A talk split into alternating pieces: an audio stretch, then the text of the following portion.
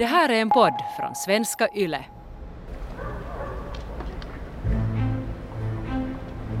Inne i huset sover förrädaren. Snart ska han sova en evig sömn, tänker Lonka och plockar upp bomberna ur väskan som två mogna frukter.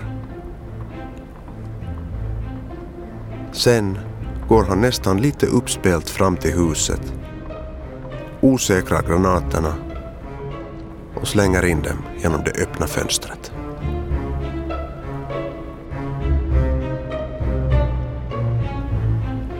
Du lyssnar till del tre av Svenska Yles krimpodd Mannerheim ska mördas. Mitt namn är Petter Lindberg. Det planerade mordet på Mannerheim har ur de röda officerarnas synvinkel blivit ett fiasko. Istället för att avfyra några skott mot Mannerheim har Karl Salo tvekat och tagit till flykten. Hans kumpaner, i synnerhet Alexander Weckman, är rasande och ställer den motvillige mördaren mot väggen. Karl Salo är ångerköpt och bedyrar att han ska verkställa dådet två dagar senare när Mannerheim förväntas delta i en skyddskorsfest i Helsingfors. Det var oförlåtligt att låta Mannerheim undkomma under paraden. Men han förmådde inte lyfta kolten och avfyra ett skott mot marskalk Mannerheim som just stod i beråd att tala till den förväntansfulla publiken. Salo skäms över sin feghet. Weckmans hotelser ringer fortfarande i hans öron och han tänker att han inte en andra gång får göra kamraterna besvikna. Ett nytt bakslag skulle vara liktydigt med en personlig dödsdom. Fast den här gången ska han inte misslyckas. På skyddskårsfesten, där såväl Mannerheim som skyddskårens överbefälhavare Didrik von Essen kommer att närvara, ska han nog komma åt att skjuta den vite generalen.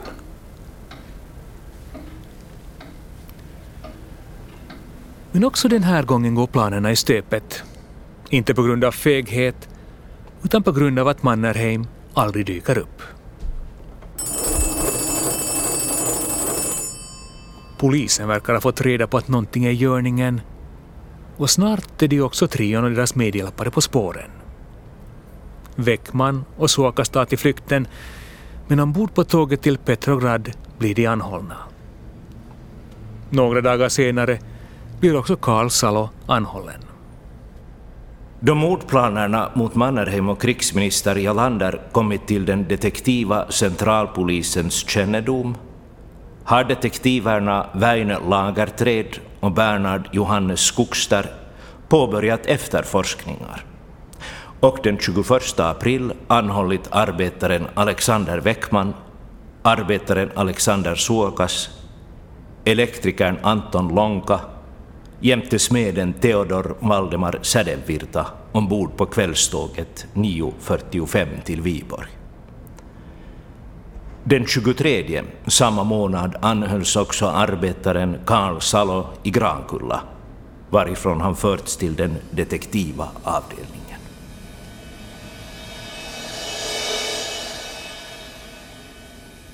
Ne olivat yllyttäneet itse itsensä, että siis se, joka, jolta jäi ampuminen ampumatta, niin tota, sanoi myöhemmin poliisikuulustelussa, mikä saattoi tietysti olla kuulusteltavan taktiikkaa, että hän oli mukana vain ainoastaan sen takia, että pääsi käymään kotimaassa. Den hemlängtan som många exilfinnar kände i Ryssland skänker ett visst försonligt skimmer över det här fallet. Att ta värvning som torped med målet att mörda Mannerheim var kanske enda sättet att få återse sitt forna hemland, säger Kauko Rumpunen och får medhålla Vapo Roselius. Det som man kan ju säga att det är liksom en stor nöd och sen den här hemska situationen att i princip var det omöjligt att ta sig till hemlandet längre.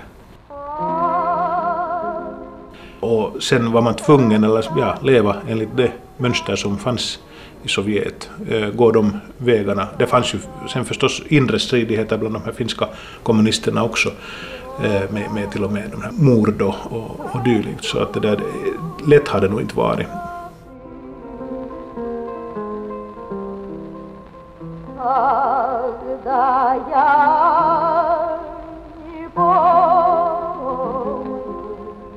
För många som efter inbördeskriget tog sig till Ryssland i hopp om att där finna fred och frihet blev vardagen det rakt motsatta med fattigdom och förföljelse. om vi räknar med ungefär 10 000 röda flyktingar som åkte från Finland till Ryssland 1918 så det är ju bara en, en, en bråkdel som är revolutionära. Stor del av dem hade all fokus bara på att överleva i ett fullständigt kaotiskt Ryssland. Och, och de som i princip hade möjlighet så kom tillbaka till Finland. En av dem är Karl Salo, en ung finsk man som historien behandlat illa, men som nu ser sin chans. Poliisilla on siis täytynyt olla informantteja vastapuolella tai vasikoita, mutta koska asiakirjat vaikenee, niin emme tiedä, että miten se meni. Dokumenten tiger om detaljerna, men förmodligen fanns det inom gruppen en tjallare som höll polisen underrättad om vad som var på gång, säger Kauko Rumpunen. Protokoll som undertecknad förhörare vid den detektiva centralpolisen sammanställt i den detektiva centralpolisens kansli vid nämnda datum år 1920. När den detektiva centralpolisen i Helsingfors den 26 maj anhållit arbetarna Alexander Weckman, Alexander Suokas, Anton Lonka och Karl Salo misstänkta för mordplaner mot general Gustav Mannerheim och landshövding Bruno Jalander kommer ärendet att behandlas i Åbo hovrätt. Kärntruppen bestående av Weckman, Suokas och Salo har åkt fast, liksom Anton Longa som är misstänkt för medhjälp, men under rättegången släppts på fri fot. Det är också Anton Longa som den 26 augusti år 1920 ska skriva det sista kapitlet i den här historien, som hittills varit oblodig, men som snart ska skörda sitt första och enda offer, en oskyldig kvinna vid namn Alina Alexandra Pöyhönen. Sensommarkvällen är varm. I trähuset på Virdojsgatan 4 står fönstret på glänt. Den vita gardinen fladdrar lätt i sommarbrisen. I skydd av en granhäck står Anton Lonka och iakttar huset. Han stryker svetten ur pannan och ställer ner väskan som innehåller en tysk skafthandgranat och en fransk gjutjärnsgranat. Någon måste ställas till svars för det misslyckade attentatet mot Mannerheim, tänker han. Och känner hur hämndlystnaden ger honom kraft att bestraffas med en Theodor Sädevirta som i Åbo hovrätt vittnat mot deras gemensamma kamrater.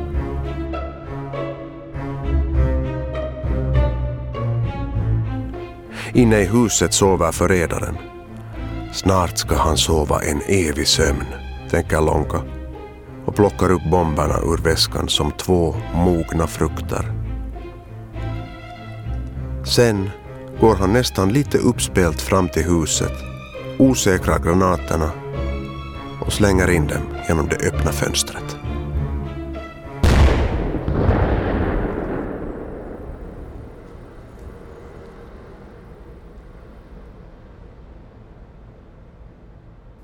Rådstuvrätten har undersökt saken och anser det stå utom allt tvivel att Anton Lonka hämnats Theodor Valdemar Sädevirta och Alina Alexandra Pöyhönen deras vittnesmål i Åbo hovrätt den 23 juli 1920. Lonka har den 26 augusti ensam och med dödligt uppsåt slängt en handgranat in i det rum som han visste att Sädevirta och Pöyhönen bebodde. Bombsplittret skadade Alina Alexandra Pöyhönen så svårt att hon avled den 12 september. Theodor Valdemar Sädevirta ådrog sig två sår i sin vänstra fot. Asioiden selvittelystä vaiettiin julkisuudessa, niin liittyykö se rauhan neuvottelutilanteeseen. sitä ei kerta kaikkiaan voi päättää, kun asia tai lähteiden puuttumisesta ei voi tehdä johtopäätöksiä. En oskyldig kvinna dör, men i övrigt passerade bombdådet, liksom också det misslyckade attentatet mot Mannerheim, ganska obemärkt förbi. Kanske för att fredsförhandlingarna med Ryssland skulle inledas i Dorpat och kanske för att man bland den finska befolkningen inte ville skapa onödig oro och uppståndelse. Eh, ett sånt här mord skulle ha väckt så att säga den, det, det vita Finland. Det ska, det ska bli ännu striktare lagar mot vänstern, ännu en kraftigare polarisering. Desto mer splittrat Finland var, så desto bättre var det ju för de röda krafterna i Ryssland. Man ville inte spela ryssarna i händerna och ge dem trumf i fredsförhandlingarna och man ville inte heller framkalla en hämndspiral, säger Kristina Ranki. En konsekvens skulle ha varit också det att, att möjligen skulle några vilja hämnas den här aktionen och då kan man ju tänka sig att de här skiljelinjerna skulle istället för att ha blivit äh, lite suddade så skulle de ha kunnat bli starkare och, och det där en ondskans spiral, hämnd mot hämnd. Men såklart det skulle mest ha varit en, en symbolisk vinst att få bli av med slaktaren. De röda officerarna som planerat dådet tilldöms långa fängelsestraff. Men efter att fredsfördraget med Ryssland undertecknats i Dorpat år 1920 förkortas straffen för många av de inblandade. Flera år senare, år 1926, sker också en utväxling av fångar mellan Finland och Sovjet. Alexander Weckman som organiserat attentatet mot Mannerheim är en av dem som skickas till Sovjet i utbyte mot finska fångar. Jag, Gustav Mannerheim, som av Finlands folk valts till president för republiken Finland, försäkrar härmed att jag skall i utövningen av presidentuppdraget redligt och troget iakttaga och upprätthålla republikens konstitution och lagar. Mannerheim har undgått mördarens kulor och ska så småningom avancera till överbefälhavare och president. År 1943 ska han ändå utsättas för ett nytt attentat. Men vem står bakom det planerade mordet år 1943? Vad vill man uppnå med ett mord den här gången? Och vilka är de bakomliggande motiven till att undanröja Mannerheim? Det framgår i säsong två av den finlandssvenska krimpodden Mannerheim ska mördas.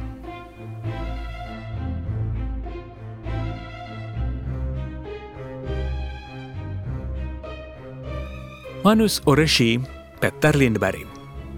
Ljuddesign och klipp Jyrki Häyrinen. Dramaturgi Petter Lindberg, Are Nikkinen, Staffan von Martens. Producent Staffan von Martens. I programmet medverkade Kristina Ranki, Apo Roselius, Kauko Rumpunen och Joakim Vigelius och Niklas Åkerfeldt med uppläsning.